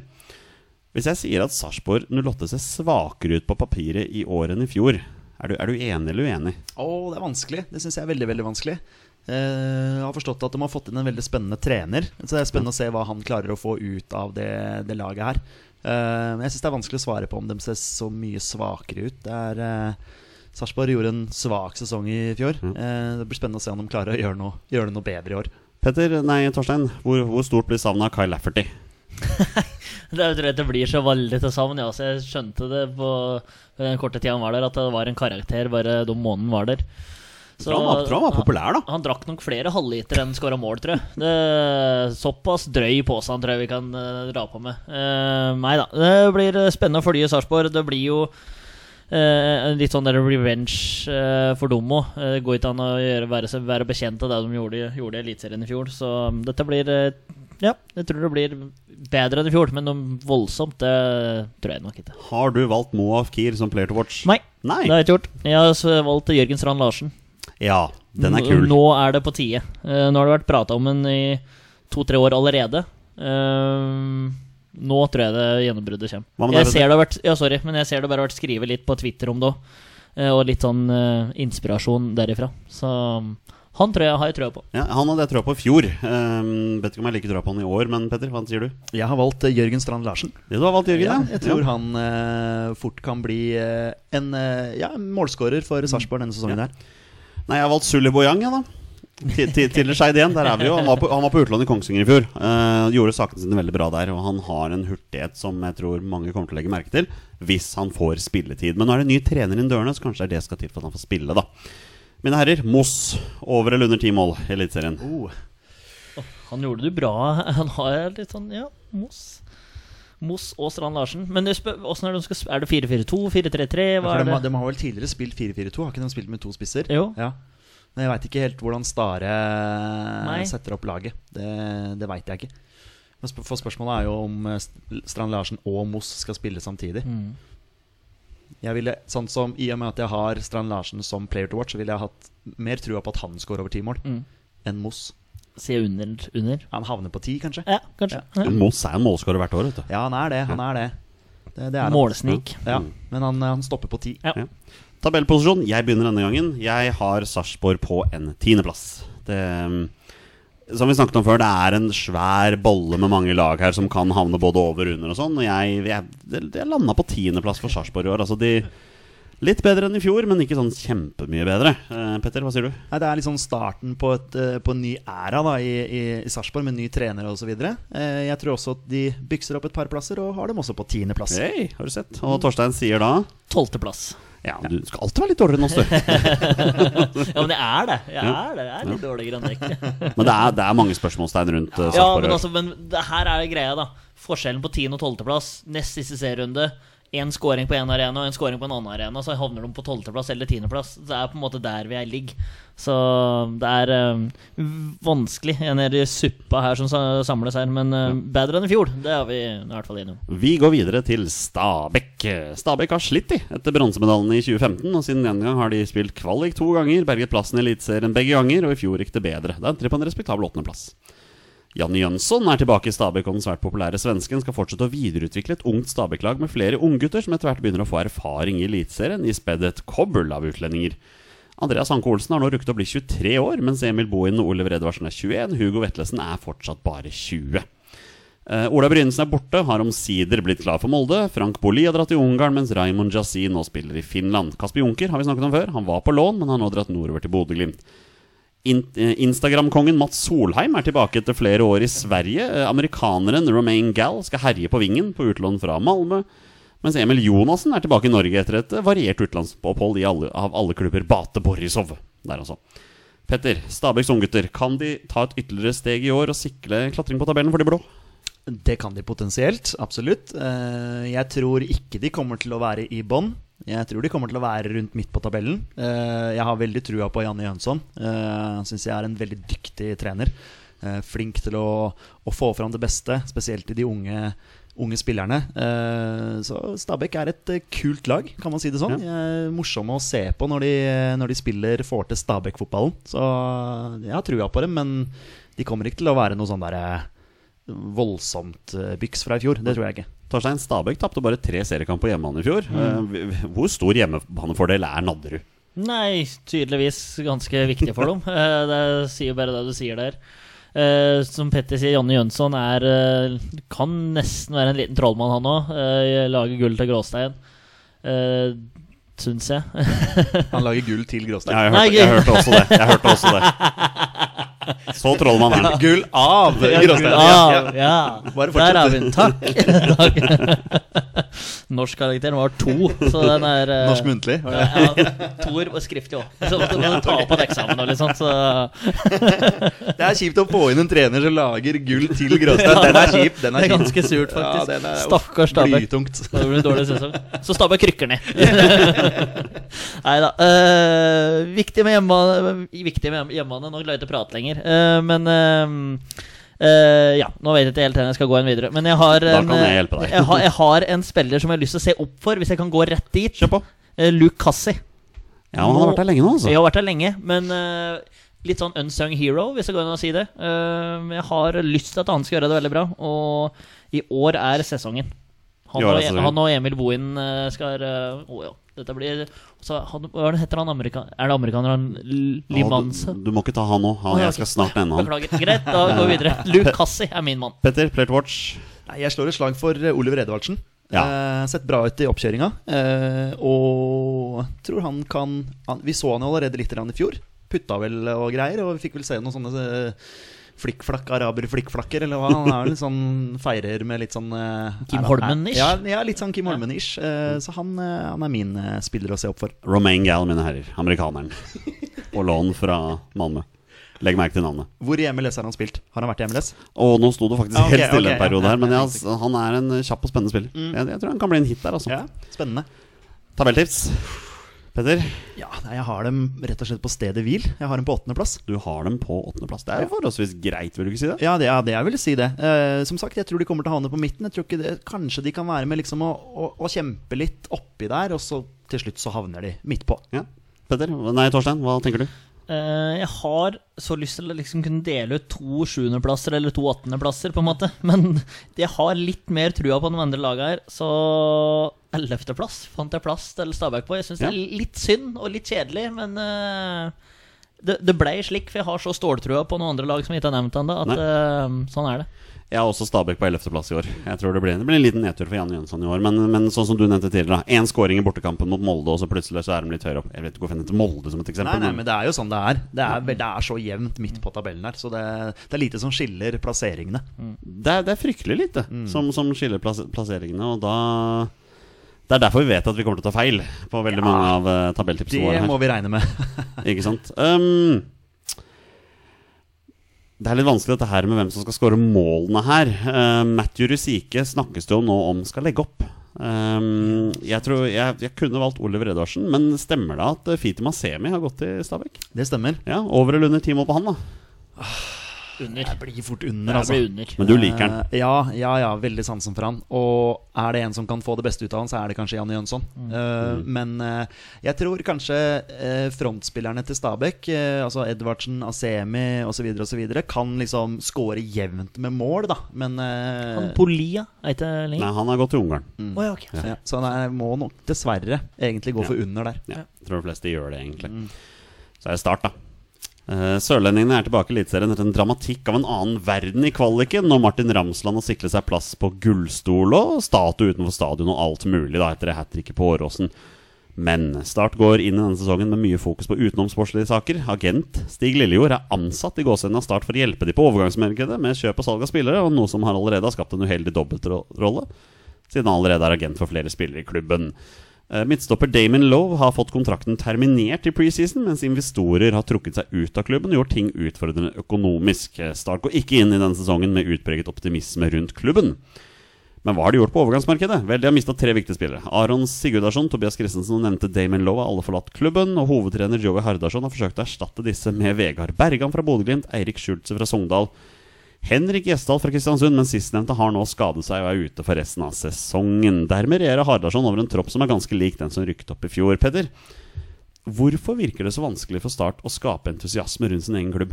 Oi, det er jo tusenkronerspørsmålet. Ja, Du får ett minutt på å svare på det. Altså, sist, sist det var entusiasme, skikkelig entusiasme i Kristiansand, var jo 2005. Det var det. Ikke sant? Eh, og hva gjorde de da? Jo, de kjempa i toppen. Så det er jo det det handler om. Det Å levere resultater over tid. Nå har de vært et sånn teislag. Eh, gått opp og ned. Eh, ikke klart å på en måte være der oppe i toppen og kjempe, og folk går litt lei og, og sånn. Uh, dessverre klarer de ikke å fylle den eh, nydelige arenaen sin, Sør Arena. Heter den fortsatt det? Ja, Eller er det ja, Sparebanken Sør Arena eller noe sånt Nå? Det er vel det. Ja, jeg har, har, har vært der en match og sett Start Vålerenga der. Det var en fantastisk uh, stadion, syns jeg. Men nei, de klarer ikke å, å, å skape den entusiasmen, dessverre. Og det gjør man jo med å ha resultater, eller ha profiler i klubben som er gøy å komme og se på. Og når vi snakker om profiler, Torstein, hvorfor er Martin Ramsland mannen som skal sørge for at Start berger seg i år? Han får fort en uh, skåringskompis snart, da, i Skålevik. Ja. Som er på vei til eh, start. vei. Og hvem er agenten til uh, Steffen Skålevik, mine herrer? Ja, fort Det er Stig Lillegård. Lillejord, Ja. Så, Ja. men, men jeg syns det er vanskelig for Start å på en måte Ja, skal skape entusiasme og sånn med resultater, det er jeg helt enig i. Men når liksom Tor Christian Karlsen går inn der og sier at nå skal vi starte Start en drøm, og Rekdal skal være trener og sånn, og så går det så til helvete som det får gått av, nesten. Eh, jeg vet ikke, jeg tror han har trukket seg ut av klubben igjen nå. Eh, fikk jo juling på byen her, og det er jo ikke bra, det heller. Så det er jo sånn jo, Det er jo ikke, sånn det skal gjøres, på en måte. Men når du på en måte går inn og går så høyt ut og sier at du skal eh, ta over Start og virkelig lage dem til topplag, og så trekker du det ut et år etter, det er ikke lett. Eh, å få blitt med på dette toget der, da. Um, så jeg syns det er vanskelig for Start når det er utenomsportslige ting som tar på en måte alt fokus òg.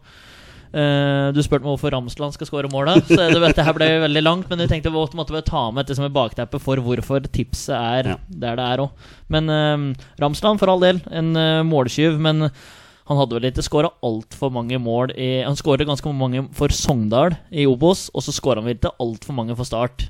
Før han, nei, før han ble helt på Åråsen. Så tror eh, Han skal ikke inn på mitt fantasy eliteserielag. Det er Såpass kan jeg røpe. Petter, hvem skal vi se opp for? Du, jeg har eh, notert meg et par spillere her, men jeg velger å gå for Eman Markovic. Ah, eh, samme som meg, det. s- Som er en, eh, en spiller som jeg har veldig sansen for. Ja. Eh, teknisk eh, og eh, ja, bra med ballen. Så spennende spiller. Han eh, blir solgt etter sesongen når Start eh, rykker ned, som de kommer til å gjøre, ifølge mitt tabelltips som kommer senere. Torstein, hvem skal vi se opp for? Hvem skal jeg se opp for, da? Martin Ramsland, da?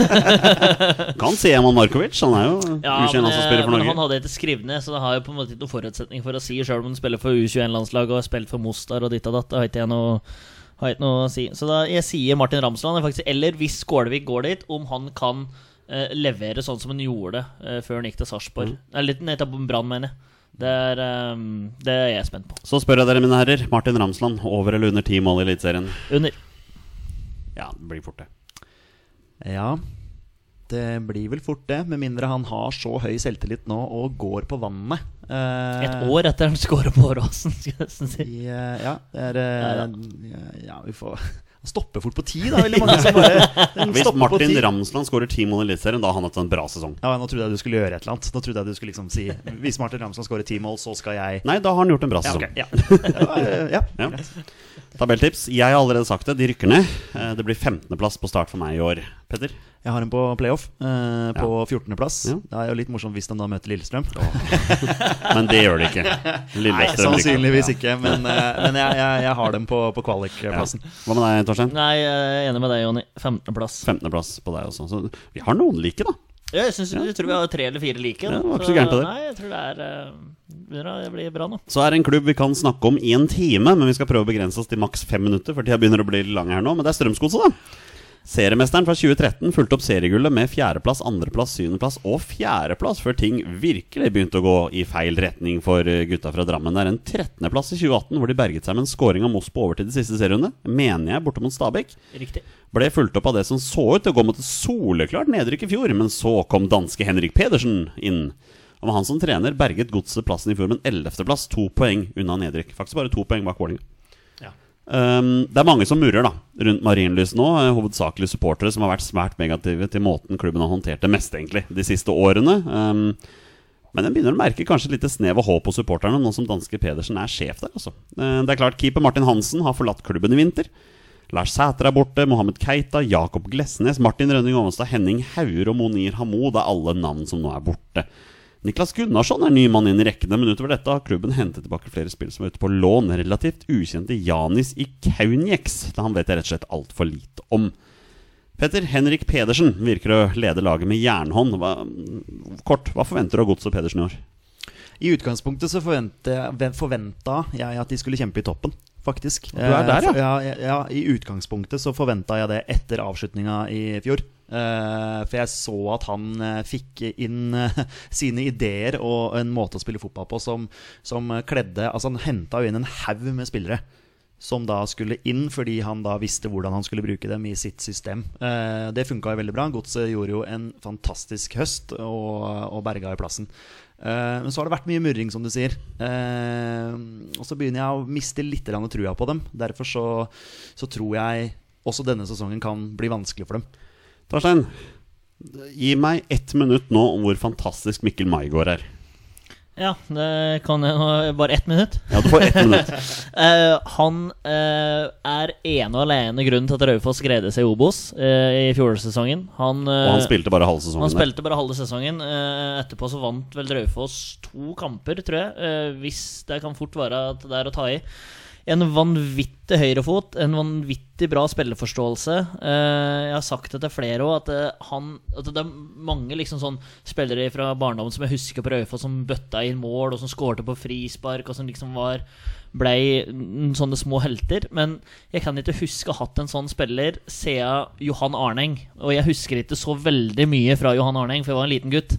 Men eh, det liksom samme, samme innvirkninga på laget hadde han. Gikk ikke, ble ikke solgt for like mye. Men eh, nei, eh, Mikkel Maigard, en helt fantastisk spiller, en helt fantastisk fyr. Og Strømsgodset har jeg ståltroa på. Henrik Pedersen eh, enda mer trua på. Altså, det Jeg digger Henrik Pedersen, og jeg tror Strømsgodset får en kanonsesong.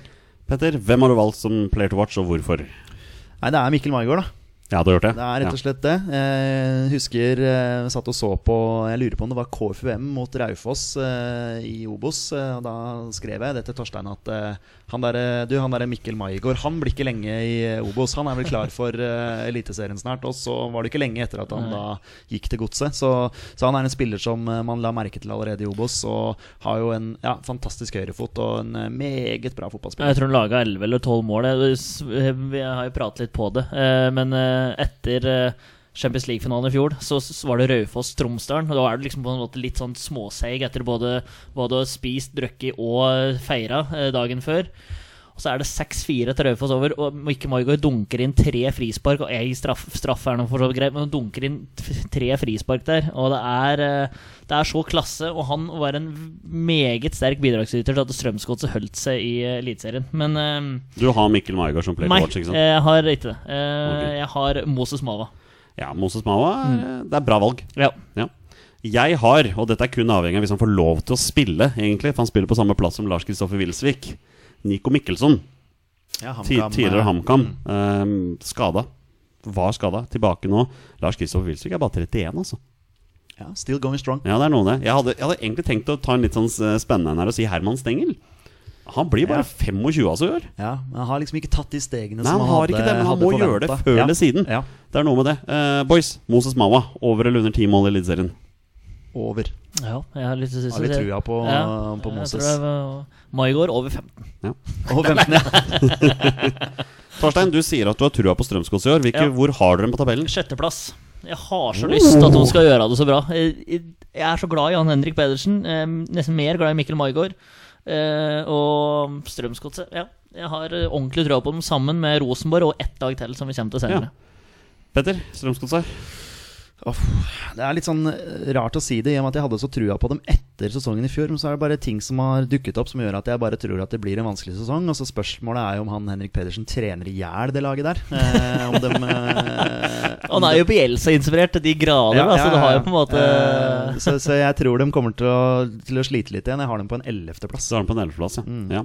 Du har dem på sjetteplass. Eh, du har dem på en ellevteplass. Hvor har jeg dem da? åttende, eller? midt imellom der. Jeg har dem på en trettendeplass. Ja, jeg tror det går veldig dårlig med. Strømsgodset. Det, det, jeg har ikke trua på dem. Nei, det er ikke. Men det er rart å si det, for når du ser spillestallen, det er mye kvalitet i den stallen der. Altså. Men artig når du sa det, og når det hørtes irritert ut. Men jeg har ikke trua på det, det som irriterer meg, at det er, det er veldig mange som ikke har trua på dem, men det er et eller annet gærent i Drammen akkurat nå. Det er noe som skurrer der, altså. Altså, Jeg har dem plassen foran Mjøndalen. Jeg tenker bare, bare det aleine tilsier at det er, det er ikke bra, det som skjer der borte nå. Men det Altså. er artig at dere to har ståltroa på Brann og ikke troa på Strømsgods. Det er det som er fantastisk, da. Ja, det det Men når vi skal sitte og tippe tabellen her. Ja, ja. Sandefjord- vinner jo Eliteserien til slutt. det sånn Ja, Med mindre det er laget som kommer nå, da. Det er Viking. Ja.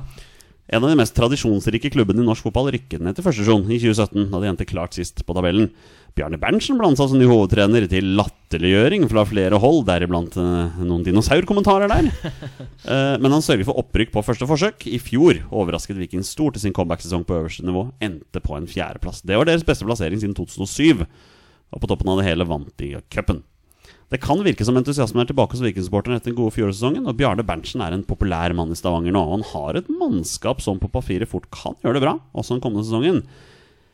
Men det er noen menner her. Ehm, Statko Tripers er solgt, og det blir et gedigent savn. Legenden André Danielsen er lagt opp, mens Christian Thorstvedt er solgt til Belgia. Inn har Veton Berisha, som vi snakket om, kommet etter en overgangssaga. Det samme har Jan Erik Delanlé, som i likhet med Berisha en tidligere vikingspiller som vender hjem. Arild Østbø har kommet inn fra Rosenborg og skal kjempe med Iven Austbø om keeperplassen. Eh, Petter, kan Viking gjenskape fjorårets strålende sesong? Eh, Jeg tror ikke det. Du tror ikke det? Jeg Nei. tror de får den der klassiske vanskelige andre sesongen. Mm. Det er jo ofte sånn at lag som går opp fra Obos, gjør det kjempebra i én sesong, og så faller de eh, sesongen etter. Så jeg, jeg, tror ikke de, jeg, tror, jeg tror ikke de klarer å gjenskape det. Torstein, hvor irriterende er det at Viking har to keepere som heter Østbø og Austbø til etternavn? Ja, ja, det tror jeg er eh, ganske irriterende for er eh, vikingsupportere eh, og sliter med det der. Samtidig syns de er jevngode òg. Så jeg tror det, kanskje det er òg et problem her.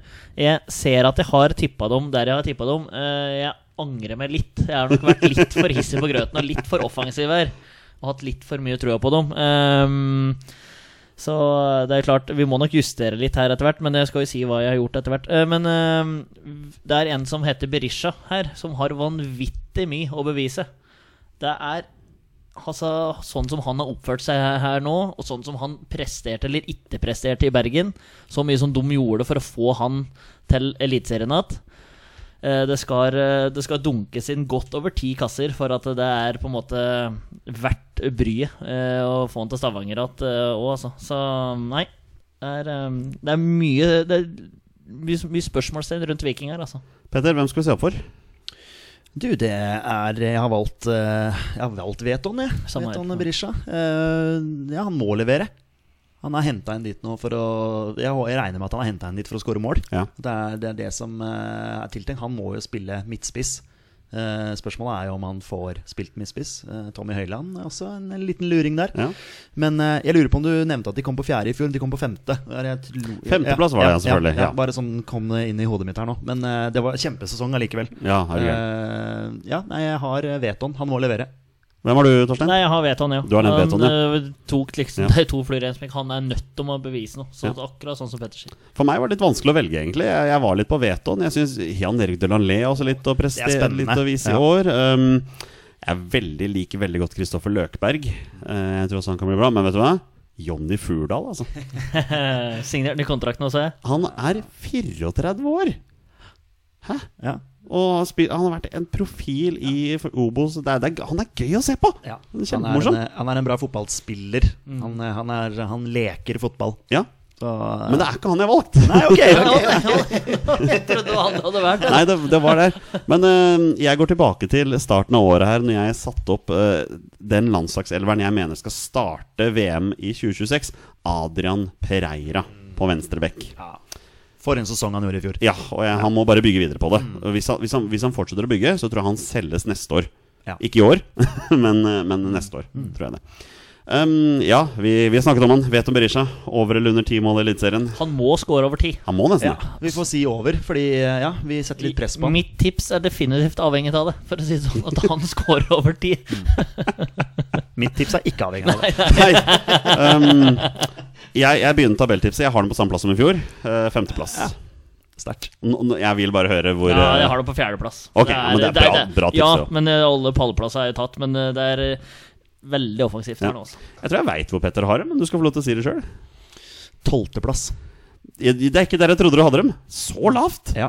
Jeg tror de får en vanskelig sesong. Dæven, hva, hva begrunner du det med? Nei, Det er bare som jeg sa i stad. Det er veldig ofte at klubber kommer opp, og så flyter de på det at de har vunnet mye matcher i Obos. Eh, tar med seg den flyten inn i eliten, gjør en kjempesesong, og så faller de. Det er rart at Sandefjord aldri får den flyten.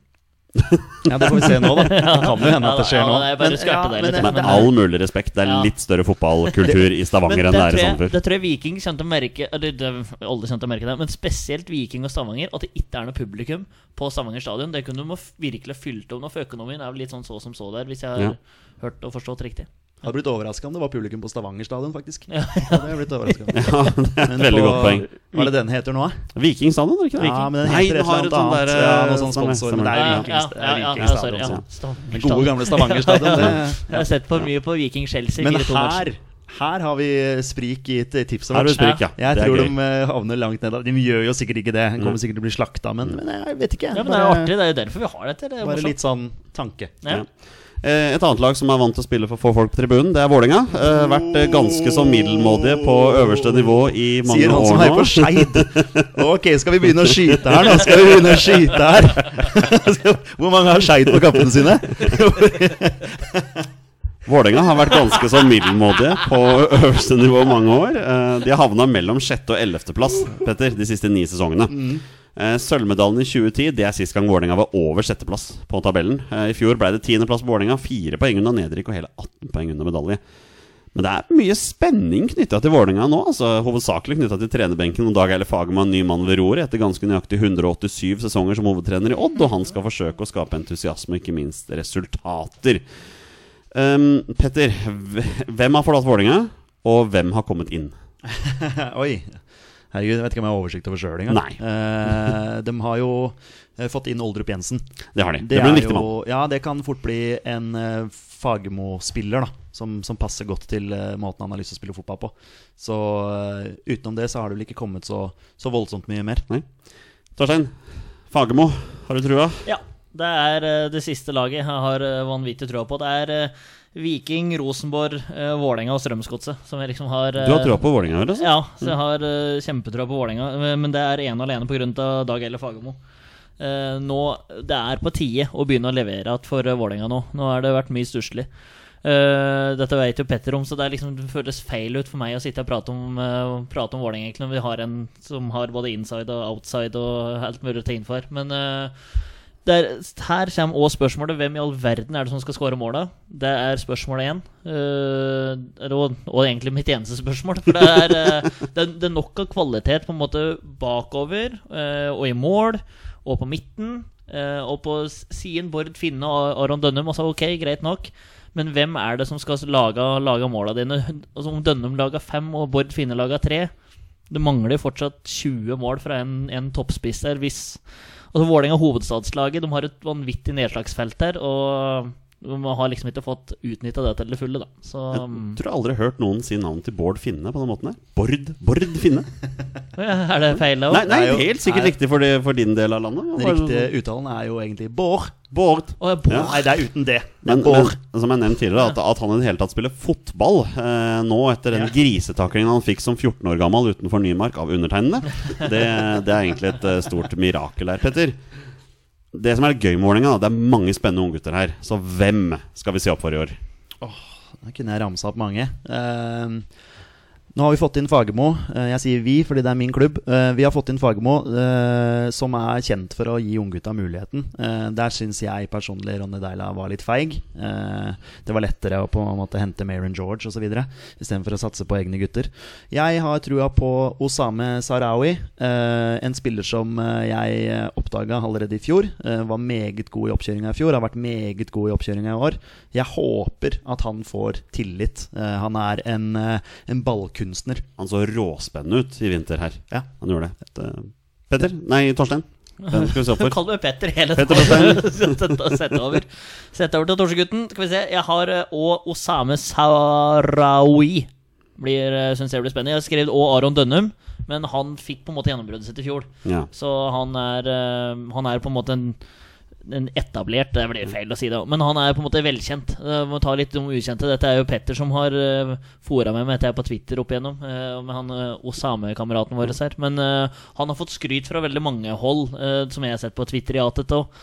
Så det blir veldig spennende å se hvor mye han får spille. Jeg tror Fagermo har såpass baller at han tør at han skal være med på benken og få sluppet innpå unggutta. Eh, så jeg tror det blir veldig spennende og morsomt. Og det er som jeg har sagt mange ganger før, at det, Vålerenga er på en måte laget jeg følger i Eliteserien nå, siden det er der jeg bor. Så da er det på en måte Jeg håper nå at Vålerenga gjør det litt bedre enn mange andre lag i Eliteserien.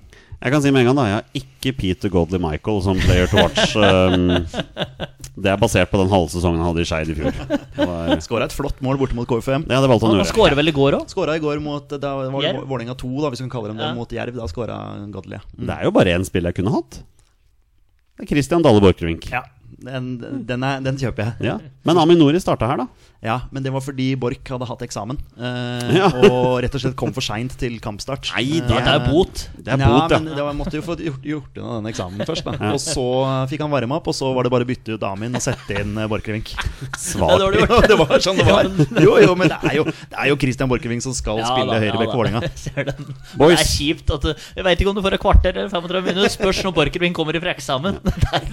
Boys, Mathias Wilhelmsson. Over eller under ti mål i Jeg må si over. Ja, du må det. Altså hjertet mitt. Jeg må si det med hjertet mitt. Jeg, rett og slett Jeg, jeg, jeg er nødt til det. Jeg er nødt til, altså Vålerenga er nødt til, sånn som Torstein sier, nødt til å ha en målskårer. Uh, Williamson potensielt i en 4-3-3 der under Fagermo kan jo ja, Skåre mål. For all del. For all del. Altså, han er på en måte svaret her. Ja, så, Han har blitt 33 år nå. Altså. ja da. Og han uh, ja, hadde ikke den der kjempesesongen som han håpa forrige sesong. I hvert fall for, for min del. da Uh, Så jeg håper, så jeg må si over. En Likende fyr. Jeg er veldig glad i han. Ehm, Torstein, hvor, Ja. hvor har du den på tabellen? Å ja. ja ehm, jeg har den på femteplass. Du har den så høyt, ja. Mm. ja. Petter? Eh, Jeg har en på sjetteplass. Ja. Det er kanskje der jeg burde hatt Viking. og, og Viking og Vålerenga burde kanskje bytta plass her. Det blir jo litt med hjerte og litt Ja. med håp. Jeg håper jo at Fagermo, som er Leeds-supporter og Bielsa-elsker, at han kan få en liten sånn At vi kan få en liten Fagermo-effekt i Vålinga En Bielsa-effekt som, som gjør at Vålinga er og kjemper i toppen der. Men uh, jeg veit ikke helt, altså. Jeg syns det er vanskelig, men jeg har en på sjette. Jeg tror Vålinga har mye bra på gang. Jeg tror de kommer til å trenge litt tid på, på å finne rytmen under Dag Eilef og sånne ting. Det er niendeplass for meg, altså. Ja. Det er eh, altså mellom hva, Du hadde den på femte?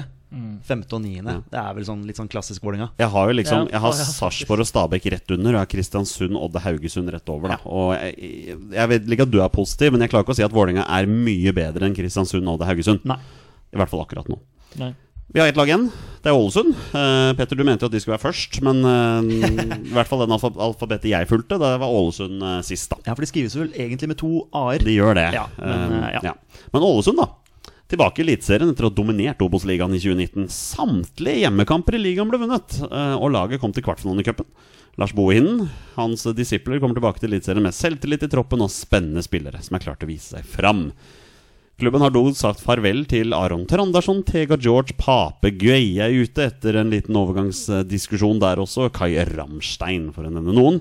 Gudmund Kongsand, en rutinert eliteseriekeeper som kommer inn sammen med to spennende herremenn. Sigurd Haugen fra belgiske Saint Gilois, eller hvordan man sier det. Og så er det Simen Bolkan Nordli fra HamKam, og han er spennende, mine herrer.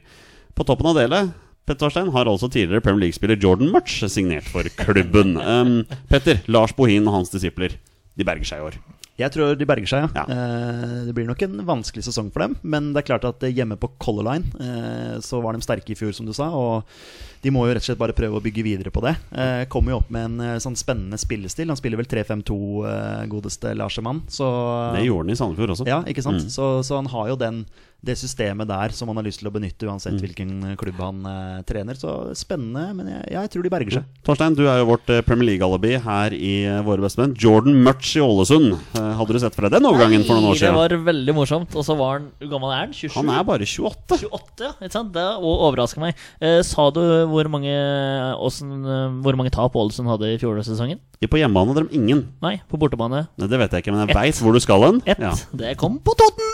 Så den er grei. Jeg, må, jeg kan bare si det òg, da. De, de, de vant, Ja, de vant tror det bare er det. 1-0 borte mot Skeid i fjor. Men da ble vi snytt for tidenes klareste straffespark, og dere sto begge to på tribunen vi var jo og det. var jo- det var jo utdrikningslaget mitt, ja. ja. Aldri tidligere har jeg Ja, sett noen bli snytt for en klarere Ja. straffe. Og så fikk vel Ålesund fikk vel straffe? For hens, ja. Ja, Den var grei. Den var grei. Grei. grei. Så, nei, men du har rett, de tapte én kamp i fjor, og det var Ja, borte jeg mot tror det var borte mot Raufoss. Eh, skal vi se. Eh, Jordan Mutch. Jordan Mutch. Ja. 28 år. Eh, Jeg syns det er kjempekult at, eh, at norsk fotball og norske klubber kan få tak i sånne spillere. Eh, Ja. Ja, ja, ja. Nei, altså nå er det liksom ikke Det er ikke noen stor stjerne, men allikevel, altså, han har jo levert i Premier League, og det er ikke så altfor lenge siden. Fryktelig morsomt, syns jeg. Men der har du jo dette her med hvor, hvor viktig det er å ha en trener som har et navn. da Aldri om Jordan Mutch hadde gått til Ålesund hvis ikke Lars Bohin var coach der. Sant? Det har jo mye å si. Hvis, eh, hvis Ivar Morten Nordmark hadde vært Ålesund-coach, så hadde ikke Jordan Mutch gått til Ålesund. Nei. Nei, Såpass. altså, La, Hvorfor- hvorfor Larsemann går har kontakter. Men han der eh, keeperen fra Schalke, han Fairman, hvorfor går han til Brann da? Er det noen han kjenner der, eller? Nei, det Sånn, må ikke Lars- være meg. Nei, Hvor, det- hvorfor går Bruce Grobelar til Nesso til Øygarden som uh, keepertrener, Han, han liksom? har jo dame for Vestlandet, ja, så han. hadde måttet ha noe å gjøre. Der har du Jeg lurer på om dama sitter i styret i uh, Ja, Øygarden, eller et eller annet sånt. Sant Kan det stemme? Ja, Mener jeg hørte på Heia Å ja, fotball-podkast ja, her. jeg leste det bare på nett, men det Ja. kan, eh, kan være det. Ja. Eh, ja. Player to watch, Torstein. Er det, er det Jordan March? Nei, jeg tror vi har uh, lik fyr. Nei, vi har ikke det, for jeg vet hvem dere har. Jeg har gått motsatt. Oh, okay. Ja. Er Jeg vet, jeg vet hvem Jonny har. Jonny har. oh, ja. Jonny har Bolkan Nordli. Ja, Bolkan Nordli, ja. Jeg har også notert meg. Nordli, men selvfølgelig eh, Castro. Ja. Ja. Chilenske Vi, landslagsspilleren. vi kan si begge to, da. Bare Ja, for å si ja. sånn der. Ja. Players to Ja. watch. Players to watch, ja. Ja. ja. Med, en, eh, med en kone fra Hamar så er jeg litt programforplikta til å ta med Simon Bolkan Nordli på det laget Ja. her. Men han er kjempespennende. Spennende altså. spiller. Ja. Ja. Men det, han er ikke like spennende som Niklas Castro. Nei, Castro, Castro er er det han du skal altså. spørre om eh, mål her, eller? Ja, Vi kan gå dit med en gang. Ja. Niklas Castro over eller under ti mål i Eliteserien. Over. Ja, ja, ja. Så Petter over, over, over, over, han kommer til å score mot Vålinga Og feire, og feire, og feire som faen. Ja. Ja, for Han har vært litt sånn vokal, da, at han ikke Ja, fikk ja, ja, sjansen ja. og sånn. Jeg har jo eh, ropt på Castro lenge. Jeg heia på han og håpet han skulle få gjennombruddet sitt i Vålinga Men så har du dette med feighet da, og ikke gi dem sjansen. Mm. Nei, Så blomstrer de andre steder. Ja.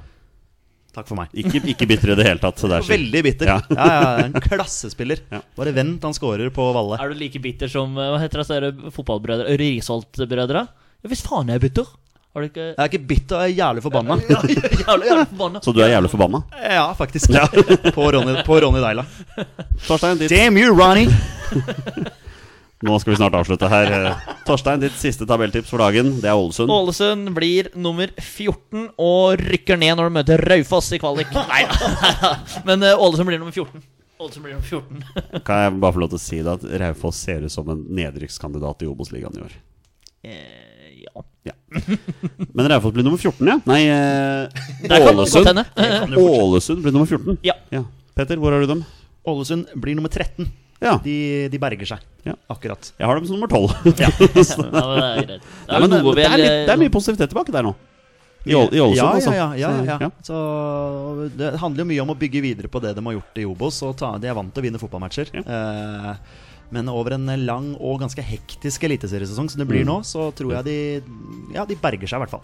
Og med det er, det er eh, tabelltipset vårt over. Vi har eh, tre veldig varierte tabelltips her. De kommer til å legges ut på våre sosiale medier-kontoer, eh, jeg tipper på mandag. Og da blir det spennende å se. Da skal folk få lov til å stemme over hvilke tabelltips de tror er nærmest der, altså. Um, Én ting er sikkert, det er ingen av oss som kommer til å få rett. eh, 100% sikkert. Nei, Jeg kommer til å bli slakta av rogalendinger. Altså Stavanger-folk, eh, vikingsupportere, kommer til å slakte meg. Ja, Tror du ikke at Jardar er inne og melder litt om at vi har start eh, Jeg tror- jeg tror- jeg som var- Jeg tror Jardar har såpass på en måte selvinnsikt på sin klubb at Ja. han tror de kommer til å kjempe i Ja. bånn. Og, og når Brann ligger på nedrykk halvveis, og jeg har dem på tredjeplass, så får jeg, da får jeg høre det. Ikke sant? Så da hører du det. Men det er vårt tabelltips, dere. Um, tusen takk til alle som hører på. Takk for at dere hørte på denne spesialepisoden. Vi er våre beste menn. Heia Norge. Heia Norge! Hei, Norge! Og hei!